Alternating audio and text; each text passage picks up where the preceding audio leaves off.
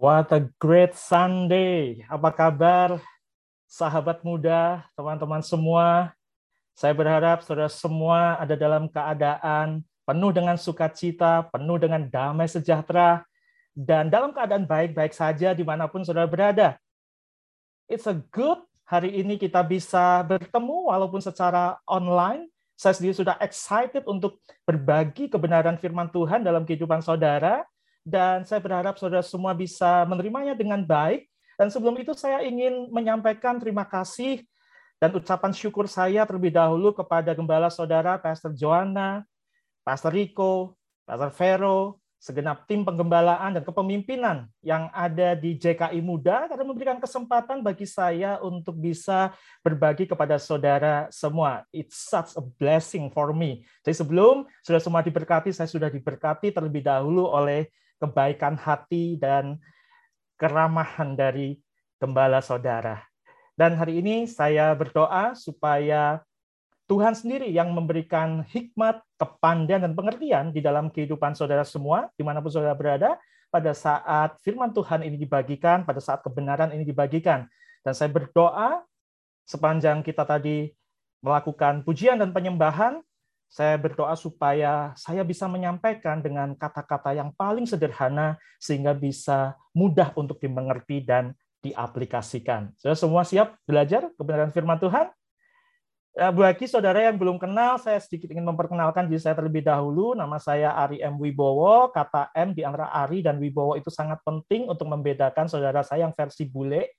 Saya sering kali ditanya, ini ada hubungannya dengan Ari yang versi bule. Saya bilang ada, kami eh, bersaudara, cuman beda ayah dan beda ibu gitu ya. Yang itu versi rada bule, yang ini versi lokal. Tapi berharap muatannya nggak lokal-lokal amat dan bisa membantu saudara semua, menolong saudara semua di dalam melakukan atau mengembangkan disiplin di dalam menjadi seorang murid. Saya saat ini melayani di JPCC sebagai salah satu small groups pastor dan di saat yang bersamaan saya juga menjalankan fungsi sebagai prinsipal dari Relevant Leadership Academy, sebuah akademi kepemimpinan untuk membantu para pemimpin gereja untuk kemudian bisa memimpin secara relevan dan menghasilkan dampak yang signifikan melalui langkah-langkah yang strategis. Nah, sore hari ini saya berikan judul Disciple Cross atau Disciple Times, disiplin. Disiplin adalah sebuah kata yang sering kali kita pergunjingkan atau sering kali kita bicarakan, tetapi itu tidak mudah untuk dilakukan. Sebagai contoh, selama masa pandemi ini, berapa banyak yang kemudian mengalami PPKM, pelan-pelan kemudian melebar.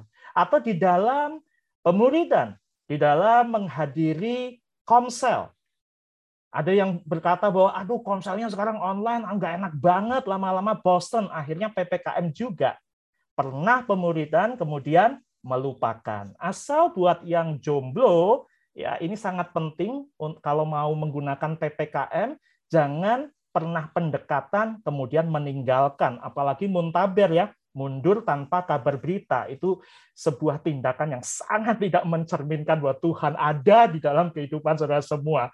Nah, di dalam kita menjalani kehidupan sebagai seorang murid, atau bahkan kita menjadi seorang pemurid, tentunya kita mengalami banyak tantangan. Betul apa tidak?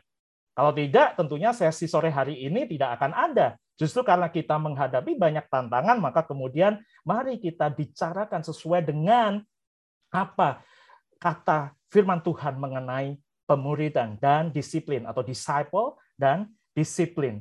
Ya, di dalam menghadapi kehidupan kita, khususnya di dalam melakukan pemuridan, eh, jangan pernah takut dengan tantangan ya. Karena hidup itu memang banyak apa? tantangan. Kalau banyak rantangan itu namanya bukan hidup. Banyak rantangan namanya catering. Jadi kalau kita hidup ya memang kita banyak tantangan. Kalau tidak mau banyak tantangan yaitu namanya catering. Nah, kenapa disciple dan disiplin itu menjadi sesuatu yang sangat penting karena pada dasarnya menurut saya antara disciple dan disiplin itu tidak bisa dipisahkan satu sama lain. Keduanya adalah merupakan sebuah sebab akibat dan keduanya adalah sesuatu yang berjalan secara paralel di dalam kehidupan kita dan keduanya adalah sebuah kebenaran yang harus kita jalankan sebagai seorang yang percaya kepada Kristus sebagai satu-satunya juru selamat di dalam kehidupan kita. Karena pada dasarnya disciple dan disiplin itu memiliki akar kata yang sama. Menarik ya. Saya senang sekali dengan kenapa kita disebut sebagai the disciples of Christ, bukan the student of Christ. Karena disciple korelasinya pasti dengan disiplin. Sehingga kita tidak sekedar disebut sebagai student, tapi kita disebut sebagai disciple atau murid Kristus. Nah, menjadi seorang murid Kristus, tantangan utamanya seperti tadi yang sudah disaksikan oleh saudara Kaleb, tantangannya adalah bagaimana membangun disiplin secara konsisten di dalam kita dimuridkan maupun pada saat kita memuridkan. Karena discipleship tidak bisa terlepas dari bagaimana kita berdisiplin untuk menjadi seorang murid, tetapi kita juga tidak boleh melupakan bahwa kita ini tidak dipanggil hanya untuk menjadi seorang murid, tapi kita dipanggil untuk memuridkan. Tapi seseorang baru bisa menjadi seorang pemurid yang baik kalau pada saat dimuridkan dia sudah terbiasa untuk membangun disiplin dengan baik. Nah, tadi saya sampaikan bahwa apa yang menjadi tema pada sore hari ini adalah disciple cross discipline. Ya. Saya berharap saudara semua bisa menerima ini dengan baik dan saya berdoa supaya ini tidak sekedar menjadi sesi berbagi informasi, tapi menjadi langkah-langkah transformasi dalam kehidupan saudara. Kenapa? Karena pada dasarnya Tuhan mengajarkan kita untuk hidup di dalam tujuan dan di dalam perjalanan kehidupan kita seharusnya menjadi kehidupan yang penuh dengan tujuan, tapi juga penuh dengan perjalanan. Dan kita bisa melakukan keduanya dengan baik. Kita tidak bisa berkata bahwa hidup hanyalah sekedar sebuah perjalanan, tetapi kemudian kita tidak bisa menentukan tujuannya. Saya berharap slide ini bisa saya jalankan dengan baik. Yes.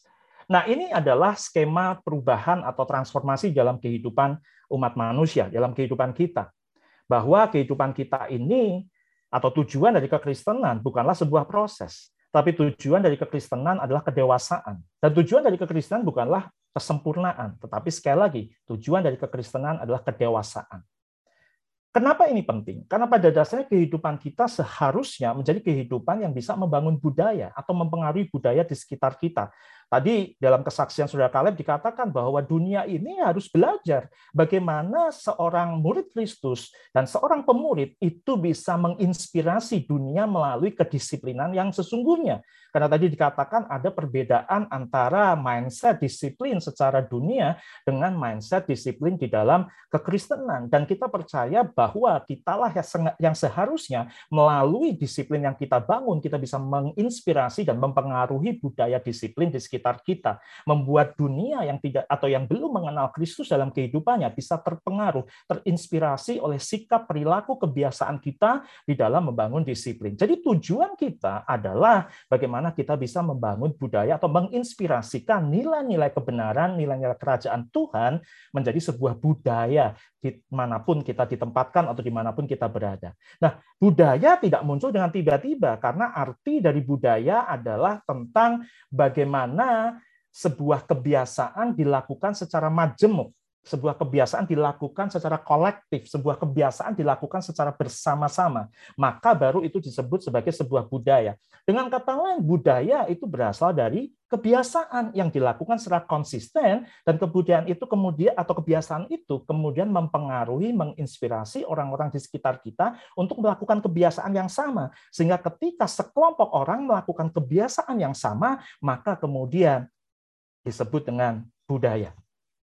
Nah, kebiasaan juga sering kali kita artikan sebagai habits atau lifestyle, gaya hidup.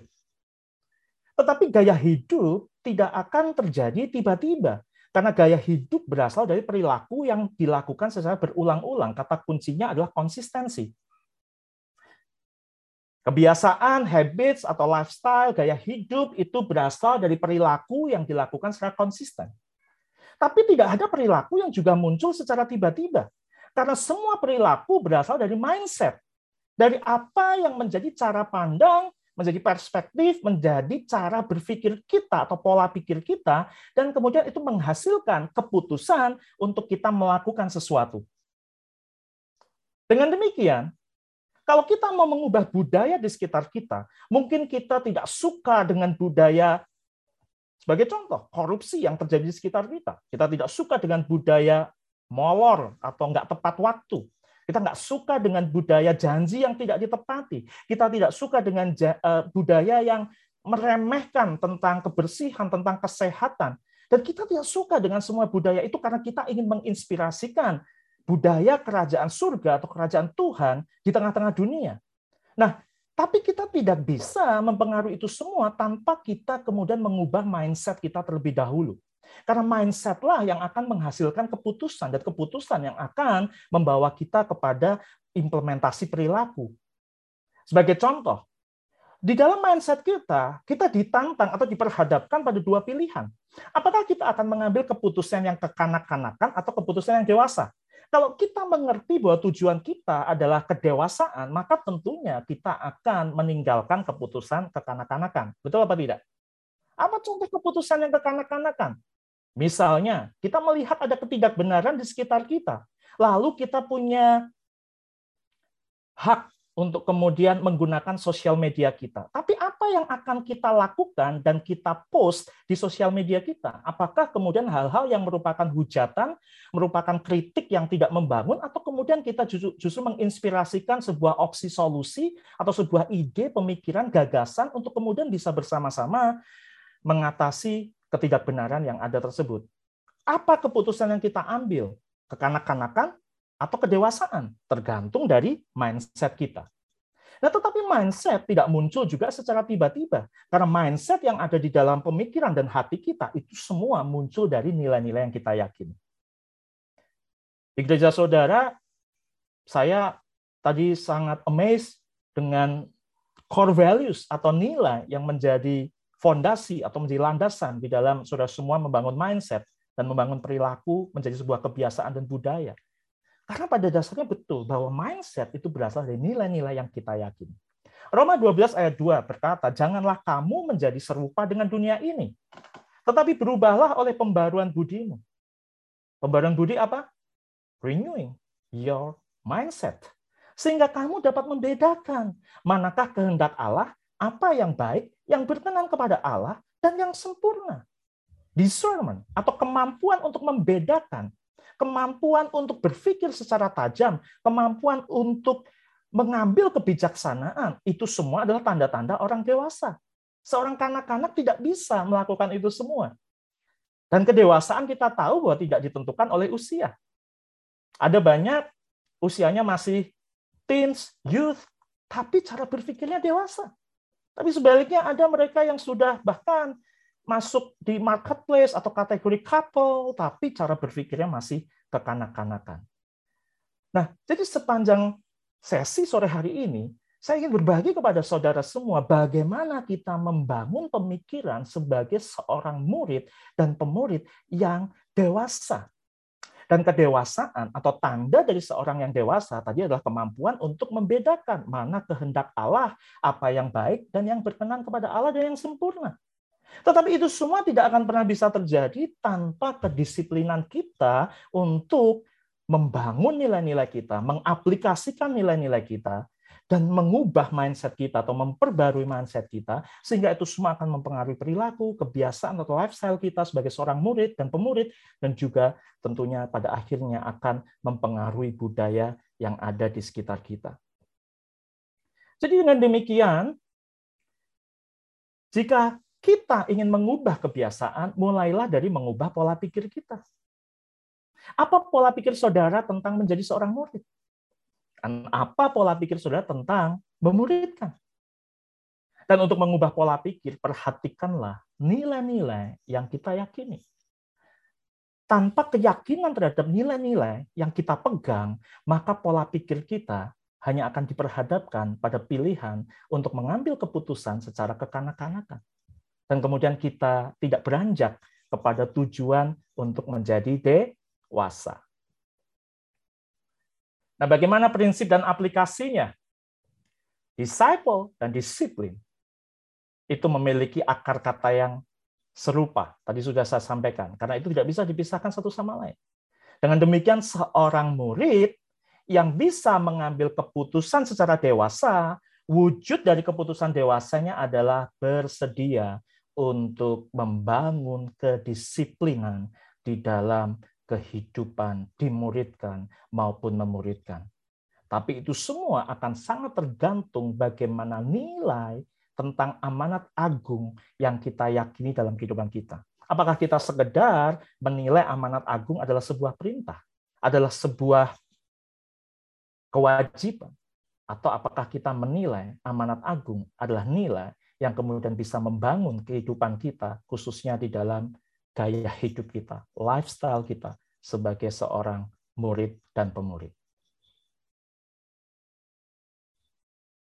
Mari kita bersama-sama mengupas kejadian 1 ayat 27 sampai 28. Dikatakan maka Allah menciptakan manusia itu menurut gambarnya. Menurut gambar Allah, imago Dei, ya, image of God. Diciptakannya dia laki-laki dan perempuan, diciptakannya mereka. Nah ini bicara soal identitas. Bahwa karena kita diciptakan menurut gambar Allah, serupa dan segambar dengan dia, maka kita memiliki identitas kehidupan yang begitu berharga. Semua setuju ya? Sahabat muda semua setuju bahwa karena kita diciptakan serupa dan segambar dengan Allah, maka kita memiliki identitas kehidupan yang berharga, kehidupan yang tidak akan kita sia-siakan. Itu yang pertama. Lalu kemudian Allah memberkati mereka. Lalu Allah berfirman kepada mereka, beranak cuculah dan bertambah banyak people and multiply. Penuhilah bumi dan taklukkanlah itu, berkuasalah. Nanti kita akan kembali kepada kata berkuasa atau kata kuasa yang sering kali kita kenal dengan kata power. Berkuasalah atas ikan-ikan di laut dan burung-burung di udara dan atas segala binatang yang melata atau yang merayap di bumi. Jadi dalam hal ini atau dalam kejadian 1 ayat 27 28 ini mengandung keberhargaan umat manusia, keberhargaan kita sebagai pribadi yang diciptakan serupa dan segambar dengan Allah. Identitas kita adalah kehidupan berharga. Makanya kita sering kali berkata bahwa eh karena kita diciptakan serupa dan segambar dengan Allah, maka jangan sia-siakan kehidupanmu. Kehidupanmu adalah kehidupan yang berharga. Tetapi kita tidak bisa berhenti sampai di situ. Karena kehidupan yang berharga itulah yang kemudian memberikan tanggung jawab. Ini mindset. Sahabat muda. Kalau kita yakin bahwa identitas kita begitu berharga di mata Tuhan karena kita diciptakan serupa dan segambar dengan Dia, maka di saat yang bersamaan kita tidak akan berhenti untuk berkata bahwa Tuhan, terima kasih Bapa karena kehidupanku begitu berharga di matamu. Kita tidak akan berhenti di situ.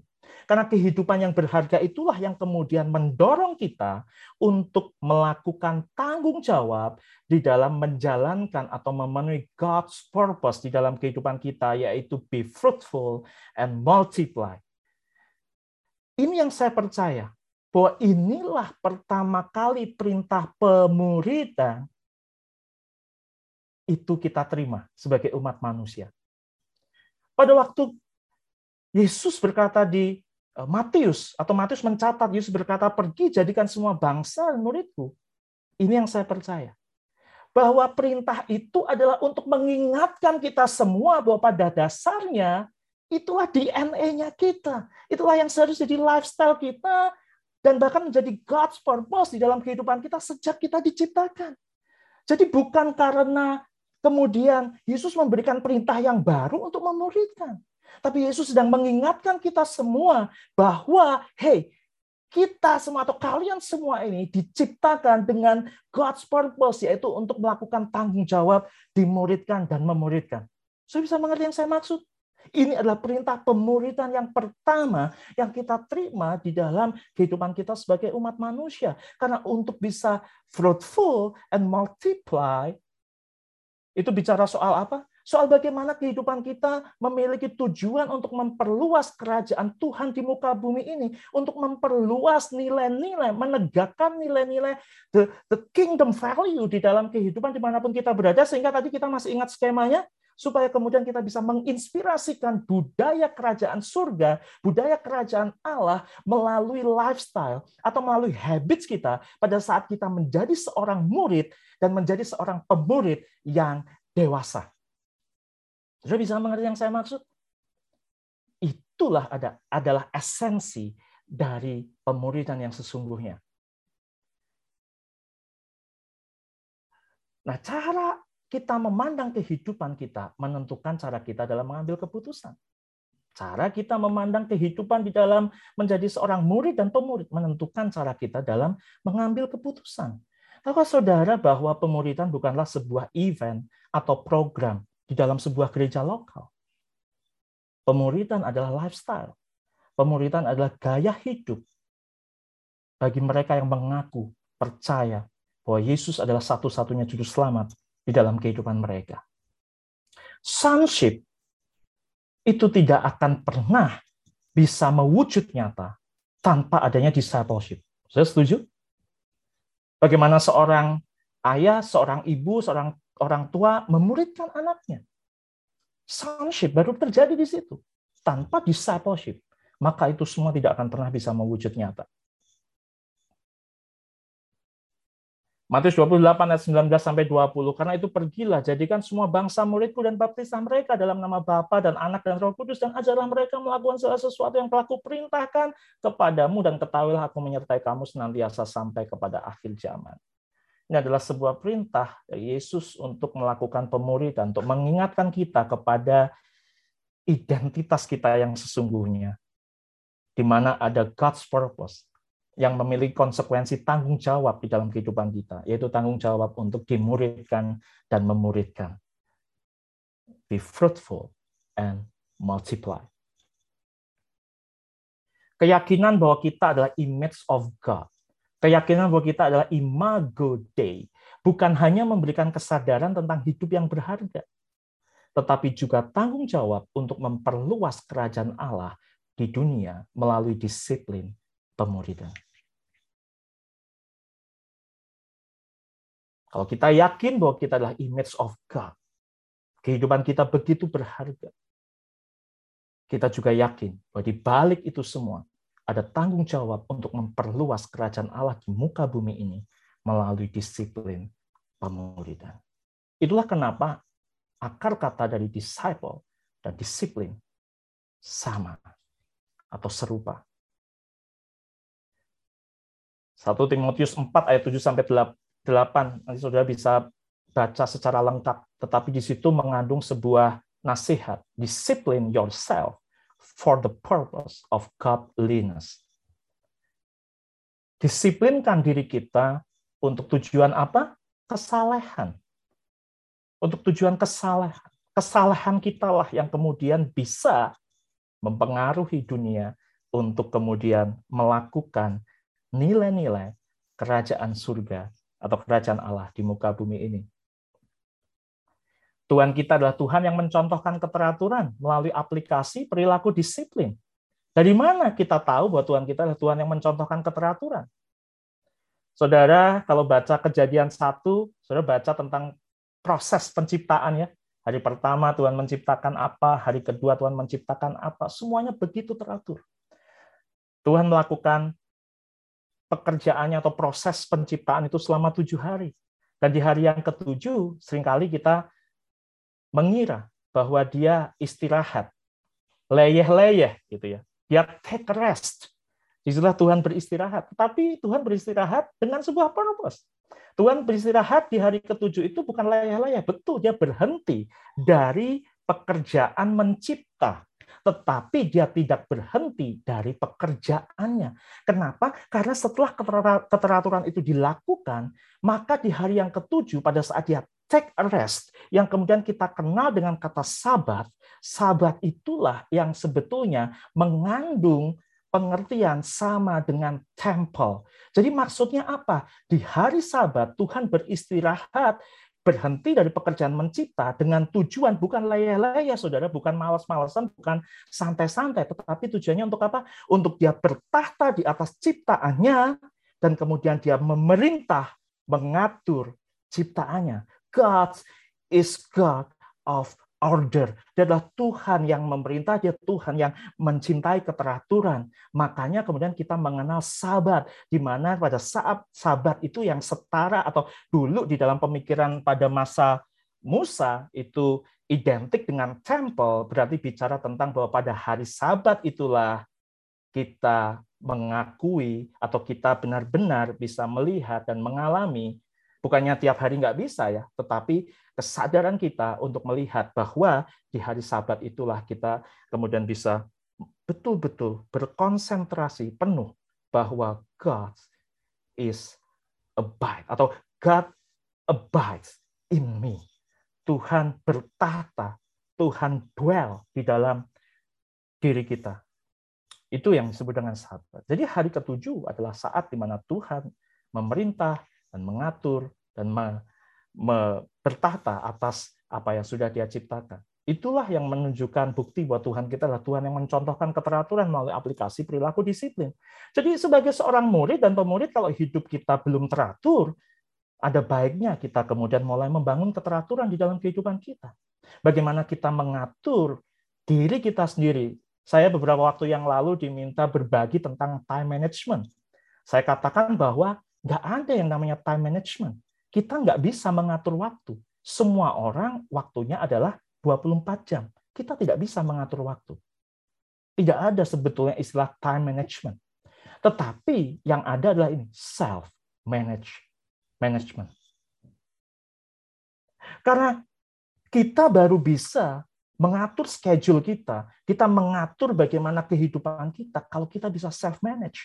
Kalau kita bisa mengatur diri kita sendiri, jam berapa kita tidur, jam berapa kita bangun, jam berapa kita membangun disiplin spiritual kita, jam berapa kita melakukan pekerjaan kita, jam berapa. Ini saya sering kali ngobrol kalau sama teman-teman yang bergerak di dunia artis. Saya dulu backgroundnya adalah arsitek, jadi setengahnya juga seniman gitu ya. Saya paling nggak suka kalau kalau seorang seniman itu di apa itu namanya di dikhususkan ya pahamilah gitu bahwa seniman itu bekerja by mood gitu. Kalau moodnya bagus karya-karya akan tercipta dengan dengan sangat luar biasa. Kalau lagi nggak mood ya nggak bisa. Dan saya tidak pernah setuju dengan pendapat tersebut. Karena seniman pun adalah kehidupan yang teratur. Tanpa membangun disiplin untuk kemudian membuat karya, tanpa membangun disiplin untuk menulis lagu, tanpa disiplin untuk menulis buku, untuk menghasilkan karya apa pun, sama seperti di area pekerjaan mana pun, tanpa disiplin itu semua ya kita tidak akan pernah bisa menghasilkan tujuan atau mencapai God's purpose di dalam kehidupan kita. Bisa mengerti maksud saya? Kalau seniman yang hidupnya nggak teratur itu namanya sering nipu teman. Ya nggak? janji sama teman nggak ditepati, janji karyanya akan di eh, submit atau di publish tanggal sekian nggak jadi. Itu adalah seniman sering nipu teman. Seorang murid dan pemurid kehidupannya adalah kehidupan yang teratur. Ya, ada A, aduh, ada yang bilang, aduh gitu ya. Oke, nah saya berharap teman-teman sampai di sini bisa bisa menerima ya apa yang saya sampaikan. Amsal 3 ayat 11 sampai 12 berkata, "Hai anakku, janganlah engkau menolak didikan Tuhan dan janganlah engkau bosan akan peringatannya karena Tuhan memberi ajaran kepada yang dikasihinya, seperti seorang ayah kepada anak yang disayangi." Bayangkan seorang ayah memberikan didikan kepada seorang anak. Apakah kemudian yang namanya mendidik itu semua permintaan anak diberikan? Tentu tidak. Didikan yang terbaik adalah bagaimana membantu seorang anak bisa memiliki kedisiplinan dalam kehidupannya. Jadi bagaimana kita mengaplikasikan ini semua dalam kehidupan?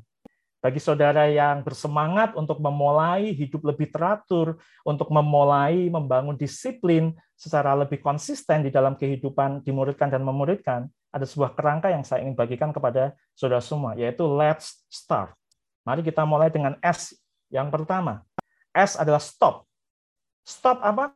Berhenti untuk menyalahkan keadaan ya gara-gara pandemi akibatnya bikin saya jadi males untuk komsel secara online. Ya gara-gara pandemi bikin saya males untuk nyembah Tuhan karena nggak bisa bersama-sama.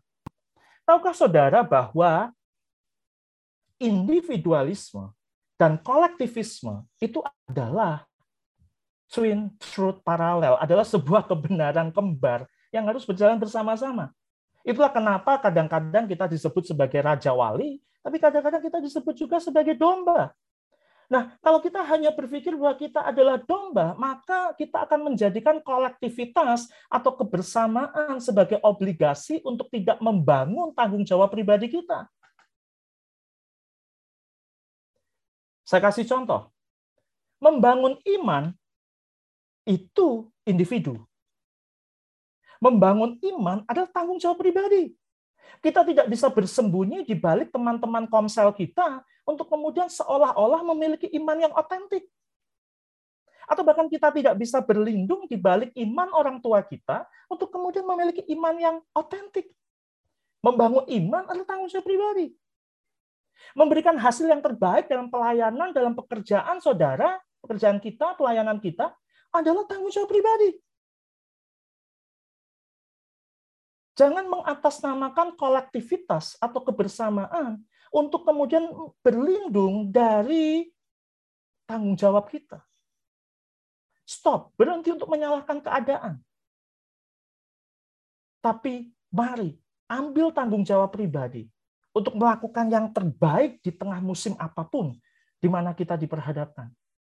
Jadi tidak semua individualisme itu adalah negatif. Karena individualisme dan kolektivisme itu harus berjalan secara beriringan. Kita punya tanggung jawab pribadi. Tadi be fruitful and multiply, itu adalah tanggung jawab pribadi kita. Untuk menjadi berbuah dan kemudian bermultiplikasi dalam dampak nilai-nilai kita di dalam mempengaruhi atau memberikan pengaruh eh, kingdom value di dalam kehidupan dunia di mana kita ditempatkan itu tanggung jawab pribadi. Ya kita nggak bisa kemudian berlindung, oke okay, mari bersama-sama sebagai keluarga di satu komsel, kita kemudian membagikan. Dan pada akhirnya apa yang terjadi? Di komsel, imannya kelihatan begitu luar biasa. Tapi pada saat diuji, dia sendirian, apa yang terjadi?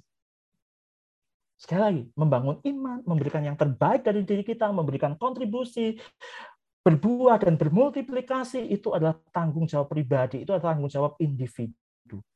Nah, proses untuk menjalaninya, tadi saya katakan bahwa kehidupan adalah tentang tujuan dan tentang perjalanan. Di dalam perjalanannya itulah kita melakukannya secara kolektif. Bisa mengerti maksud saya? Untuk menjadi murid yang dewasa, dan kemudian untuk melangkah menjadi seorang pemurid, itu adalah tanggung jawab pribadi. Tapi proses untuk dimuridkan, dan proses untuk menjadi seorang pemurid, di dalam perjalanannya kita lakukan secara kolektif. Itu yang saya katakan bahwa Komsel bukanlah sebuah program atau event. Komsel adalah gaya hidup. Komsel tanpa gaya hidup pemuridan, maka itu kemudian jadi aktivitas kumpul-kumpul sosial. Ya, bisa mengerti maksud saya, teman-teman? Yang kedua adalah turn away.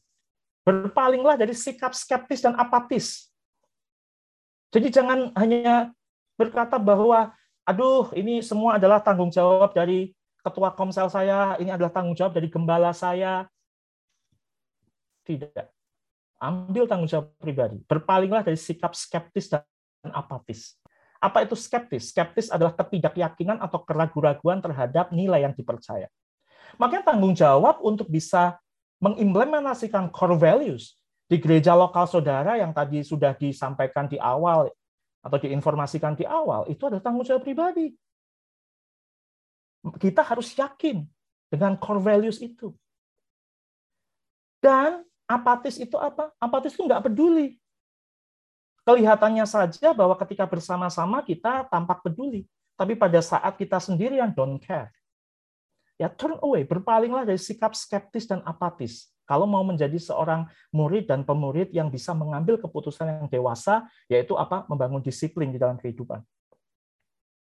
Yang berikutnya, A adalah attend, hadir di konsel, dan bertanggung jawab atas perkembangan proses pemuridan.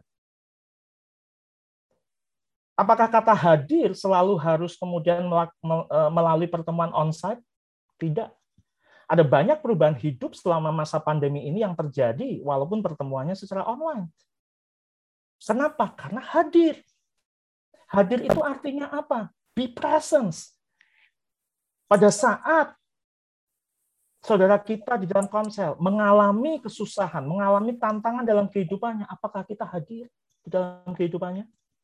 Apakah kita mau menyediakan telinga dan hati kita untuk mendengarkan curhatnya atau bahkan curcolnya atau bahkan gibahnya? Attend, hadir. R-nya adalah read and obey. Baca firman Tuhan dan renungkanlah apa tujuan dan kehendak Tuhan atas hidup Anda, atas hidup kita. Jangan cuma baca firman, tapi renungkan apa tujuan Tuhan, apa kehendak Tuhan melalui firman Tuhan yang kita baca atau yang kita pelajari. Dan T yang terakhir adalah tell others. Ini yang saya katakan proses yang terjadi secara kolektif. Pada saat kita kemudian ada di dalam proses dimuridkan dan memuridkan, saya percaya ada begitu banyak pengalaman ilahi yang terjadi di dalam dan melalui kehidupan kita. Karena itu jangan disimpan sendirian. Tell others. Ceritakan kepada orang lain pengalaman pribadi saudara bersama dengan Tuhan dalam membangun disiplin roh, jiwa, dan tubuh. Kita sering kali berbicara tentang disiplin roh, disiplin spiritual, membangun waktu-waktu saat teduh kita, membangun waktu-waktu untuk kita baca Alkitab, berdoa, melakukan perenungan. Tapi kita juga kadang-kadang melupakan untuk membangun disiplin dalam jiwa kita, menjaga emosi kita, menjaga mental kita untuk tetap sehat. Banyak yang melupakan pentingnya untuk membaca buku. Banyak yang melupakan pentingnya untuk belajar. Tahu sudah belajar bisa dari mana saja? Selama masa pandemi saya belajar banyak dari drama Korea. Saya nggak pernah nonton drama Korea sebelumnya, karena istri saya jadi nonton drama Korea, saya belajar banyak dari drama Korea. Jadi saya nonton drama Korea dengan sebuah purpose. Nah, karena itu cara saya memilih filmnya pun akan saya tentukan berdasarkan purpose saya. Beberapa film yang saya tonton, ya kalau mau dicatat silakan. The Signated Survivor, yang versi Korea. Tentang bagaimana seorang pemimpin yang belum di sempat dimuridkan, belum sempat dimentor, tiba-tiba dia harus menjadi seorang pemimpin karena nggak ada pilihan, dan bagaimana dia diperhadapkan pada situasi-situasi yang tidak mudah. Designated survivor. Yang kedua, chief of staff, tentang kehidupan parlemen. Bagaimana seorang anggota parlemen di dalam ketika dia diperhadapkan pada nilai-nilai yang tidak ideal, Sebenarnya dia adalah seorang yang idealis. Bagaimana dia kemudian uh, bisa mempengaruhi dunianya atau mempengaruhi organisasinya dengan nilai-nilai yang berbeda, walaupun terkadang dia harus menderita. Itu dua dari beberapa yang saya tonton. Dan waktu nonton itu, saya menyiapkan catatan. Kata istri saya, kamu nonton film apalagi seminar leadership gitu. Karena buat saya, dan saya banyak catatan yang bisa saya peroleh dari situ. Ya, jadi jangan hanya kita wah cukup membangun disiplin roh, tapi kemudian kita melupakan untuk membangun disiplin jiwa kita. Jiwa kita juga perlu makan, saudara. Ya, dan ini yang paling penting, apalagi di masa pandemi, membangun disiplin dalam fisik atau tubuh. Selama pandemi berat badan saya naik 10 kilo. Dan saya kemudian diperhadapkan pada sebuah pertanyaan. Bagaimana saya bisa mengajarkan atau menginspirasikan tentang kedisiplinan menjadi seorang murid dan menjadi seorang pemurid? Kalau di dalam hal fisik saja saya nggak disiplin. Pertanyaan saya, lebih mudah membangun disiplin roh yang tidak kelihatan atau membangun disiplin fisik yang kelihatan? Tentunya lebih susah membangun disiplin rohani. Betul apa tidak? Tapi ini premisnya atau argumentasinya. Bagaimana kita bisa dengan mudah membangun disiplin rohani kalau kita tidak mampu membangun disiplin secara tubuh atau secara fisik yang jelas-jelas kelihatan. Saya bisa mengerti maksud saya? Karena roh, jiwa, dan tubuh adalah disiplin yang tidak bisa terpisahkan satu sama lain pada saat kita membangunnya. Ya. Perhatikan pola makan saudara.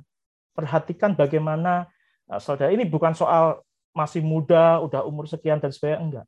Tapi tapi bagaimana cara saudara mengatur pola makan saudara? Bagaimana cara saudara mengatur istirahat saudara? Bagaimana cara saudara untuk mengatur olahraga saudara? Itu adalah modal untuk membangun disiplin roh. Karena lebih sulit membangun disiplin yang tidak kelihatan dibanding membangun disiplin yang kelihatan. Ya. Nah, ini semua tergantung values kita dan tergantung mindset kita. Jadi tadi saya kembali kepada kata berkuasa ya, berkuasalah atas ikan-ikan di laut, berkuasalah atas dunia ya. Saya ingat kata-kata Uncle Ben atau pesan Uncle Ben kepada Peter Parker di film Spider-Man dikatakan with great power. Karena kita diberkati untuk apa? Allah berfirman, memberkati kita, berfirman, kita fruitful and multiply, supaya kita bisa berkuasa. Berarti kita diberikan sumber daya untuk kita bisa berkuasa. Makanya tadi saya katakan, kita ini diciptakan serupa dan segambar dengan Tuhan, bukan hanya tentang keberhargaan identitas kita, tapi tentang tanggung jawab kita untuk fruitful and multiply.